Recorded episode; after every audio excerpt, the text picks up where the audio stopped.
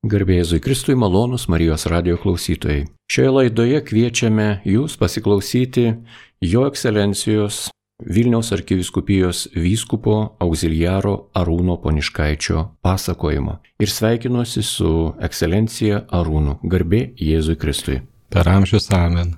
Būkit palaiminti visi, mėly Marijos radio klausytojai noriu pasidalinti su jumis keliomis mintimis apie širdies tyrumą, tą širdies tyrumą, kurį turėjo šventasis Kazimieras ir kuris taip pat yra skirtas ir mums kaip Jėzaus mokiniams, jo sekėjams. Vienas iš sakinių kalno pamoksle, tas palaiminimas tai yra širdžiams, taip pat pabrėžia, kad tai yra ir mūsų kelias, nes norime regėti Dievą, žmogus ilgisi Dievo veido, jo, jo ieško, tai kelias į tai yra širdies tyrumas. Man labai patiko pamastymas, mintis tokio pranciškono kunigo Raniero Kantalamesa, kuris e, gražiai masto apie šitą širdies tyrumą. Noriu kai kuriomis mintimis, kai kuriomis išvalgomis taip pat ir su jumis apie tai pasidalinti šią temą. Kai girdime šį palaiminimą, palaiminti tyrą širdžiai, natūralu, kad tarsi savaime galvojame apie skaistumo darybę, tai yra šeštojo dekologo įsakymo įvykdymą.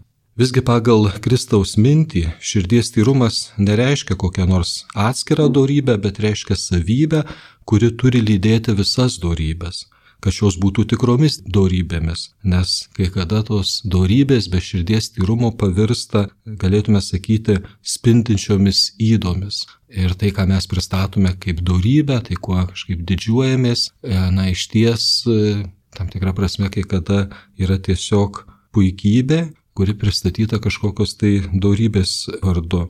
Taigi priešingybė tyrai širdžiai šią prasme būtų ne neskaistumas, bet veidmainystė. Ką Jėzus turi mintyje, kalbėdamas apie širdies tyrumą, akivaizdu iš kalno pamokslo konteksto. Nes pagal Evangeliją tai, kas nulėmė veiksmo tyrumą ar netyrumą, yra intencija. Ar tai būtų išmalda, ar pasninkas, ar malda, labai svarbu intencija. Kai pradedame gavėnę, kiekvienais metais skaitome Evangeliją, kur Jėzus mini šiuos tris svarbius geruosius darbus - maldą, pasniką ir išmaldą. Ir jis būtent pabrėžia intenciją. Kai tu meldiesi, eik į savo kambarėlį ir melskis slaptoje dėl Dievo, kad jis tave matytų, ne dėl to, kad žmonės tave matytų ir, ir girtų.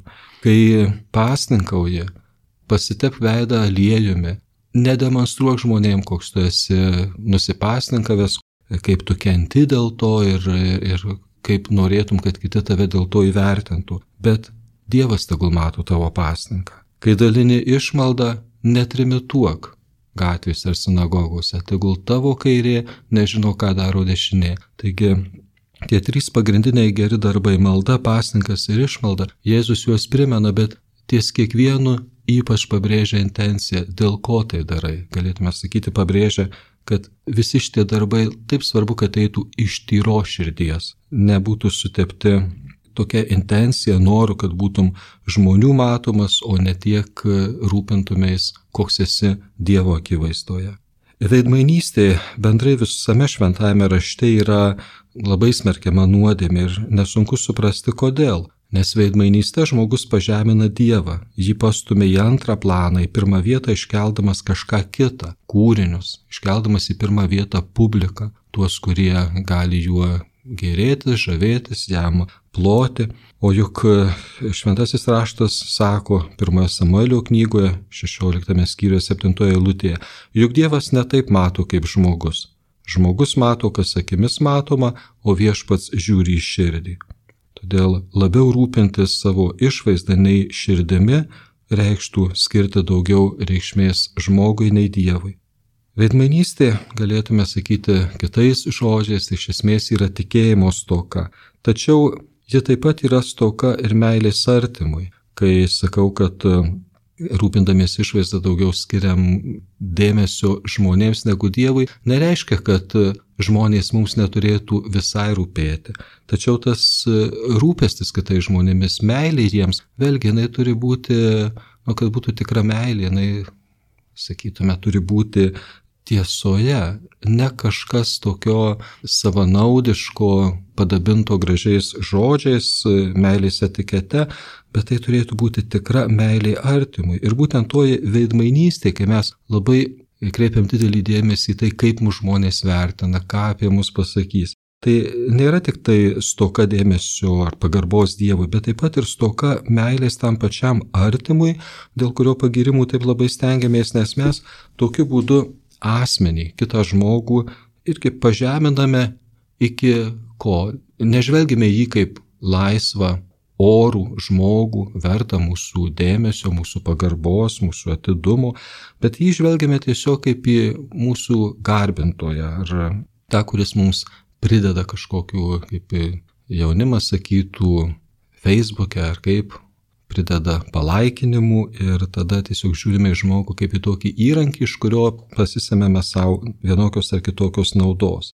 Taigi nepripažįstame tam žmogui jo tikrojo orumo, bet žvelgiame į jį tik kaip į priemonę dėl savojo įvaizdžio. Kristaus sprendimas apie veidmainystę toje Evangelijos ištraukoje, Evangelijos pagal Matą, kur Jėzus kalba apie maldą pasninką ir išmaldą, tai Kristaus sprendimas apie veidmainystę yra nediskutuotinas. Sako, jie jau atsėmė užmokestį. Tie, kurie meldžiasi, dalina išmaldą ar pasninkoje dėl to, kad būtų žmonių geriami, jie jau atsėmė užmokestį. Tačiau galėtume sakyti, kad ir šis užmokestis yra apgaulingas, nes žvelgiant ir, ir grinai taip žmogiškai, dažnai pastebime, kad garbė bėga nuo to, kas jos siekia bet kurią kainą. Ir priešingai seka tą, kas jos e, taip betodariškai nesivaiko. Palaiminimo tyra širdžiams prasme taip pat padeda suprasti Jėzaus kritiką rašto aiškintojams bei fariziejams, kuri pabrėžia skirtumą tarp žmogaus vidaus ir išorės. Kaip skaitome Evangelijos pagal Matą 23 skyriuje, Vargas jums, veidmainiai, rašto aiškintojai ir fariziejai, jūs panašus į pabaltintus antkapius, kurie iš paviršiaus gražiai atrodo, o viduje pilni numirėlių kaulų ir visokių nešvarumų. Taip ir jūs iš paviršiaus atrodote žmonėms teisūs, o viduje esate pilni veidmainystės ir nedorumo. Šitie kieti Jėzaus žodžiai man labai įstrigo prieš jau ne, nemažai metų perskaityta tokia mintis, kad e, turbūt hebrajų ar aramėjų kalboje, kurie Jėzus kalbėjo, šie žodžiai, tai ką mes verčiame vargas jums, galėjo skambėti kaip e, tam tikras nu, raudos žodis.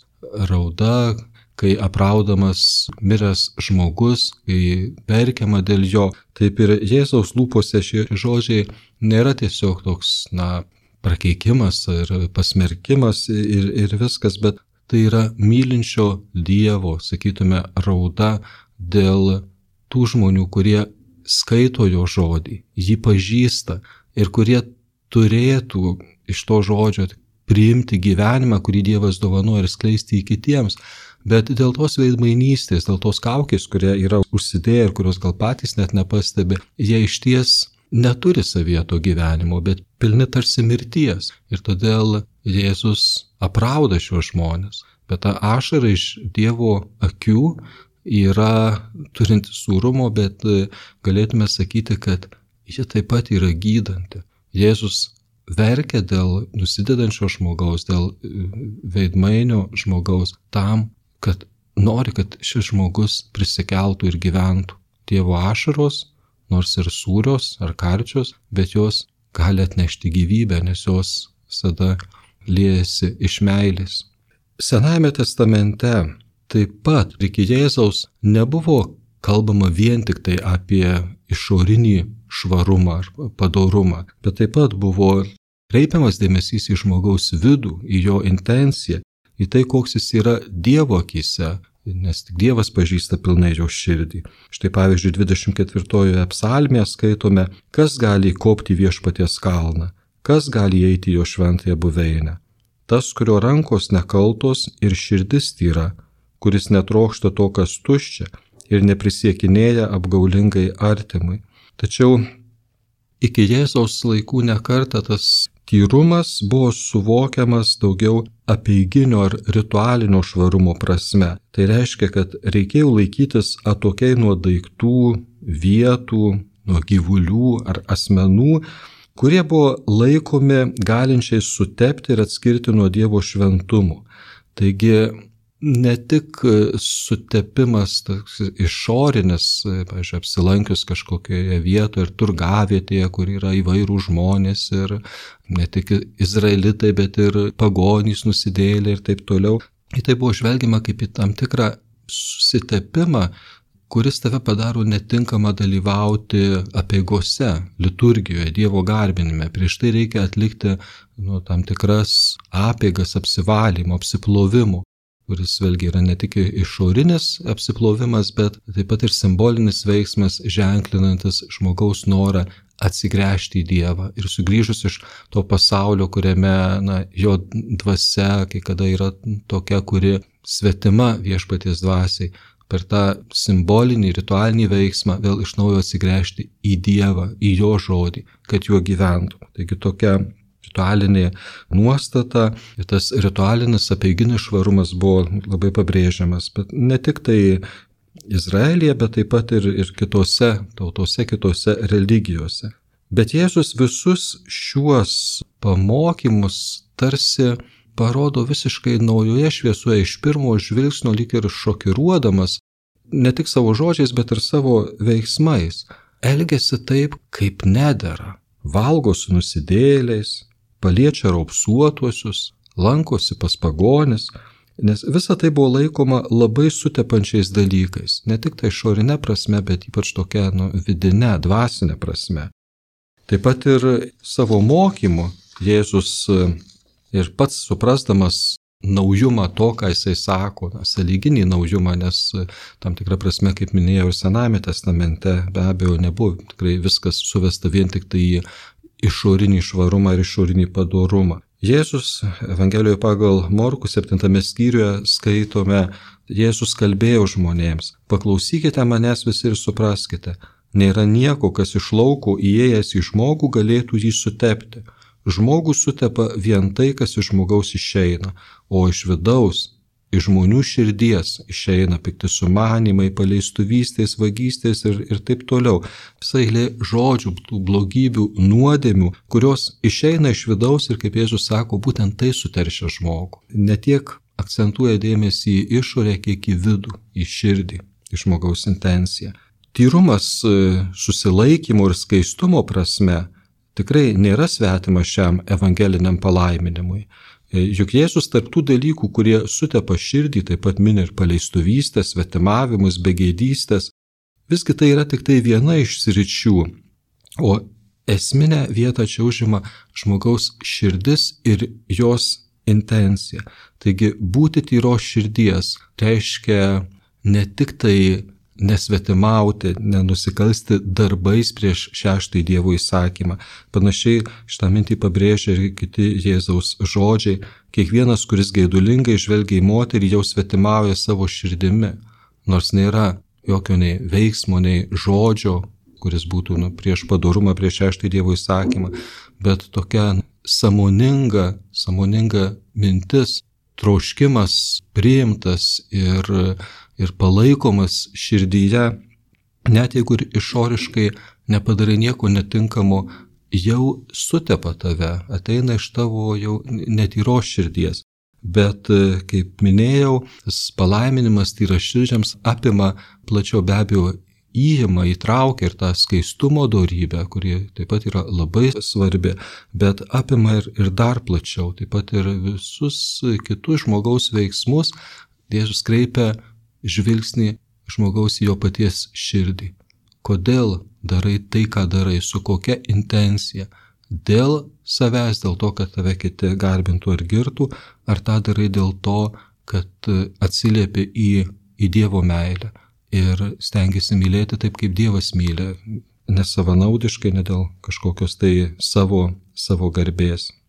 Pilniausia e, šio žodžio prasme tyra širdis yra Jėzus, nes apie net ir priešininkai buvo priversti sakyti, mokytojo žinome, jog esi tiesa kalbis ir niekam nepataikauji. Tu nepaisai žmonių padėties, bet mokai Dievo kelio, kaip reikalauja teisybės.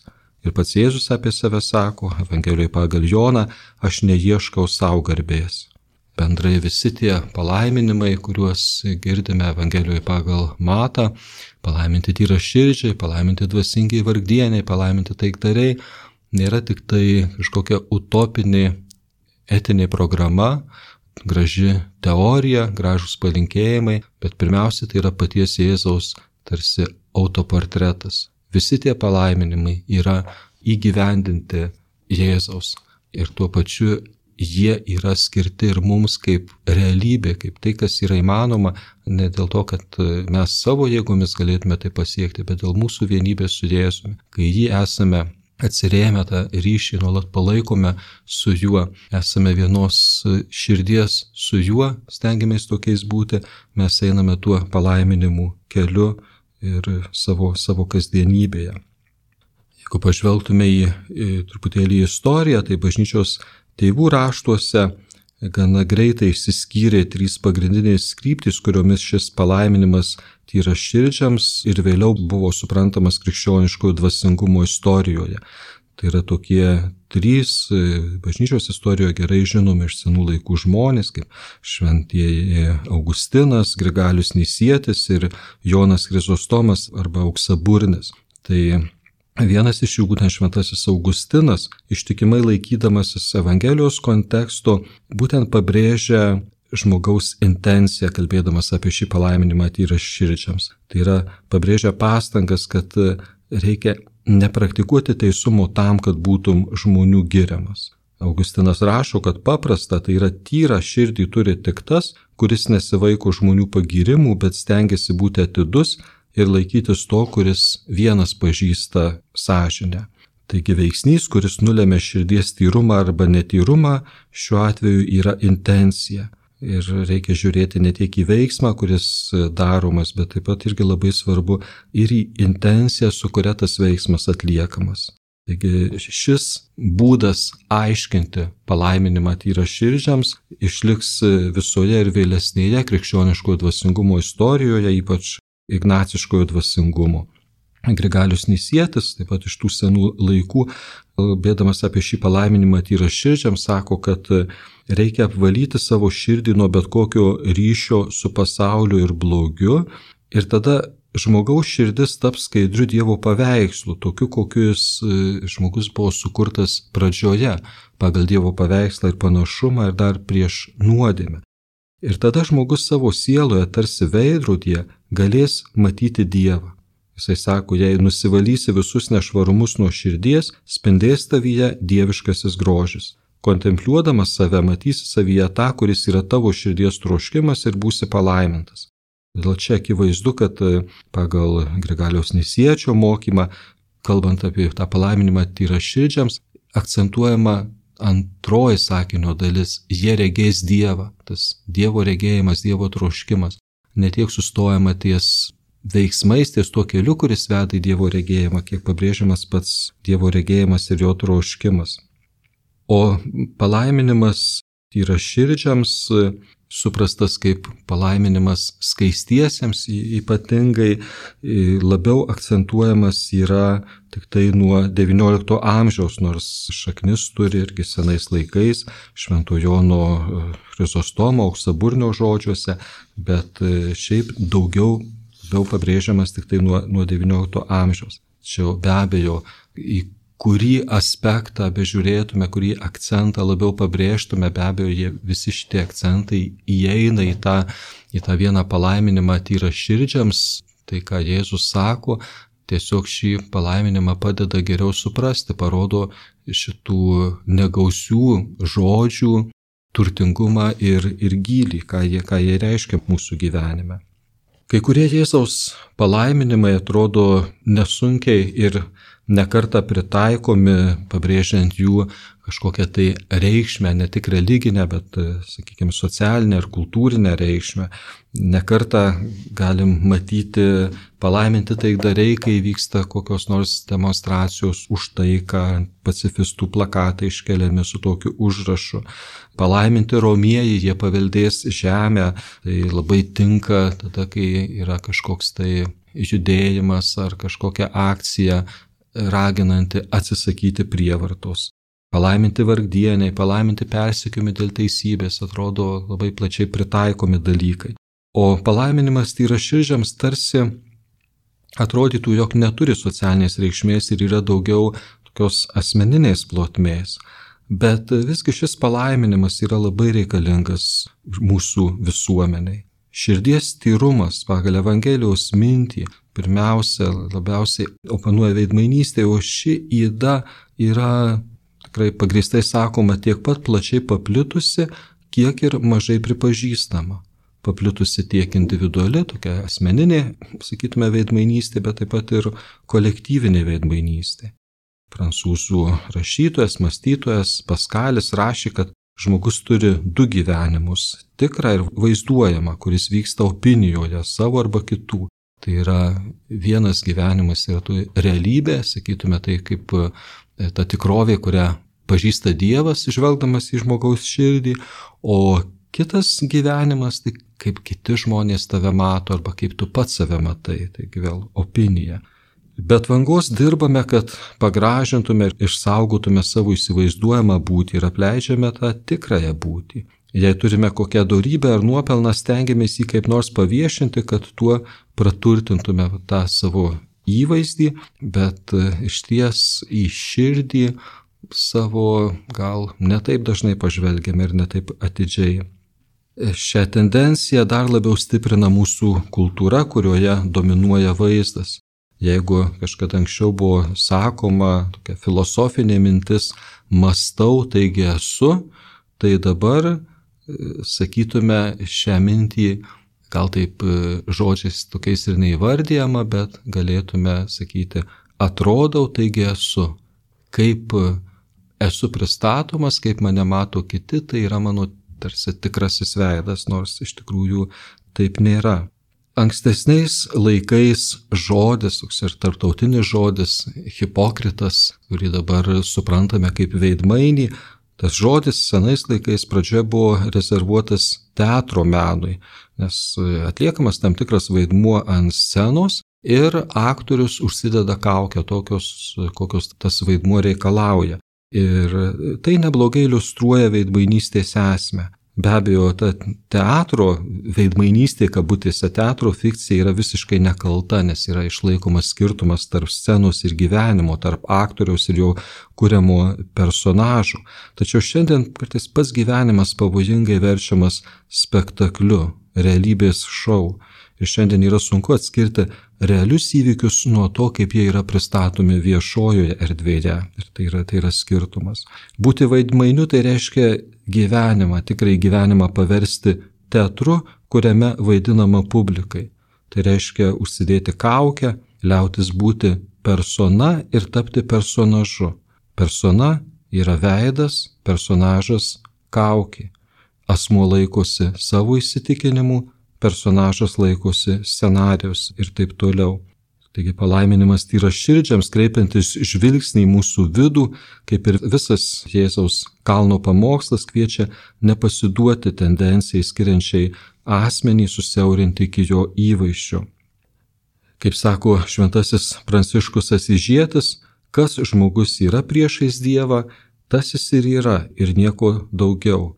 O kitais žodžiais tą išreiškia, taip pat žinomas filosofas Kirkegoras, kad kai žmogus gyvena vien tik tai dėl išorės, visada tik tai žmonių akivaizdoje ir niekada nepasilieka vienas Dievo akivaizdoje ir savęs paties akivaizdoje, na iš ties tada ir tas jo tikrasis aš yra pats žmogus jo nepažįsta pilnai ir neišskleidžia, neugdo. Tai filosofas tokiu palyginimu kalba, sako, piemuo gali jausti savo tapatybę, savąjį aš, karvių akivaizdoje, jeigu būna tik su jomis. Na, jis akivaizdžiai mato tą skirtumą ir save tarsi taip identifikuoja pagal karves, jis nėra, nėra karvė, nuo jų skiriasi. Karalius kai yra visą laiką pavaldinių akivaizdoje, jis visą laiką jaučiasi svarbus, didelis ir, ir taip toliau bet visada tai bus tik tai toks netobulas aš, nes trūksta tinkamo masto. Ir šis filosofas sako, kad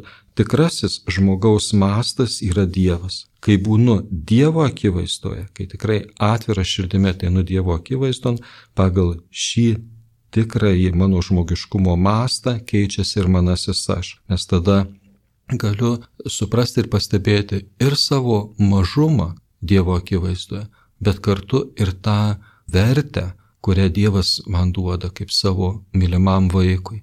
Tai tikrasis mastas, kuriuo save kiekvienas galime matuoti, tai yra, yra Dievas. Ir todėl taip svarbu rasti laiko tiesiog stoti jo akivaizdon tokie, kokie esame, su visų savo gyvenimu, su visais rūpeščiais, pasiekimais, bet taip pat ir su savo pralaimėjimais, su savo silpnybėmis, nuodėmėmis, tai tai Dievo akivaizdon tokie, kokie esame.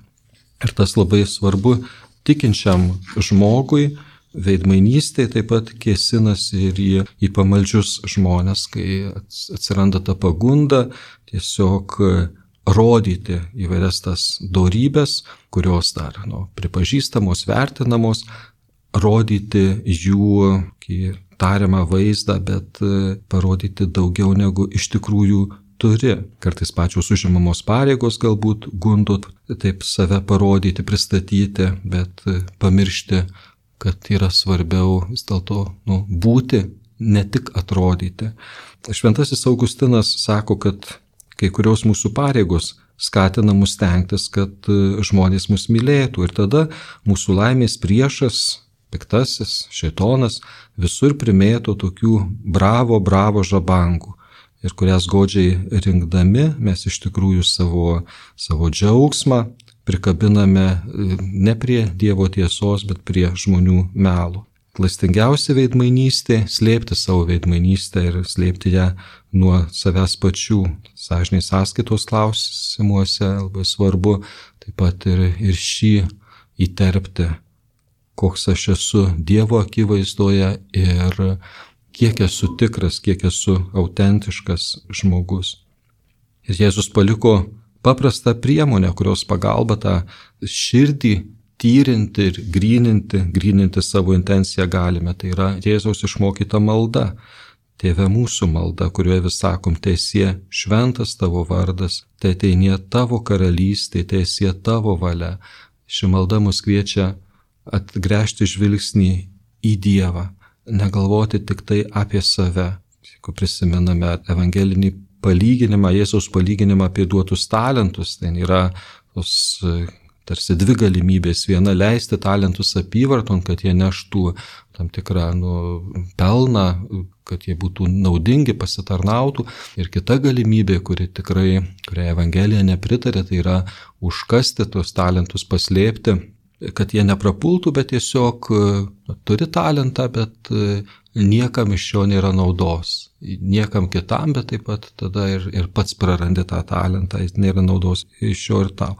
Bet tarptų galimybių leisti talentus į apyvartą ar juos paslėpti, sakytum, dar yra trečia galimybė - leisti juos apyvarton dėl savęs, dėl savo garbės, ne dėl dievų, ne dėl to, kuris juos dovanoja. Ir tai irgi nebūtų geras, geras pasirinkimas. Taigi tokios e, mintys, kuriomis e, džiaugiuosi galėdamas pasidalinti, brangus Marijos radio klausytojai ieškome viešpaties veido, trokštame jį išvysti amžinybėje, bet žinome, kad e, jį galėsime regėti tik būdami tyro širdies. O tą tyrą širdį mums dovanoja vėlgi ne kas kitas, bet Dievas. Tai glauskimės prie jo ir prašykime tos malonės pamatyti save, tikrai save jo šviesoje, pamatyti ir savo trapumą, silpnumą ir savo realybę, realybę šią prasme, bet taip pat ir tai, kad esame Dievui labai svarbus, kad esame Jo branginami, Jo mylimi ir tegul šis viešpaties artumas apvalo mus. Galbūt truputėlį ir viena kita ašara iš Dievo akių, ar taip gal net ir iš, iš mūsų akių, atgailos ašara, ne savigraužos, bet kokios nuoširdžios, pasitikinčios atgailos ašara, bet taip pat ir džiaugsmu, kaip labai Dievas mus myli. Esame jo mylimi, branginami e, labiau negu patys tai įsivaizduojame. Dievui nėra negalimų dalykų. Kokie bebūtume, jis ir ar, ar kaip kažkur nusiritę į neviltį, į liūdėsį, į gyvenimo prasmės praradimą, Dievui nėra negalimų dalykų. Jis gali prikelti mūsų širdį iš mirties, apvalyti ją ir padaryti tyrą. Taip ir te būna. Dievo palaimus jums visi brangus Marijos radio klausytojai Lietuvoje ir bet kur pasaulyje. Sudie. Jūs girdėjote Vilniaus arkiviskupijos vyskupą auxiliarą Arūną Poniškaitį.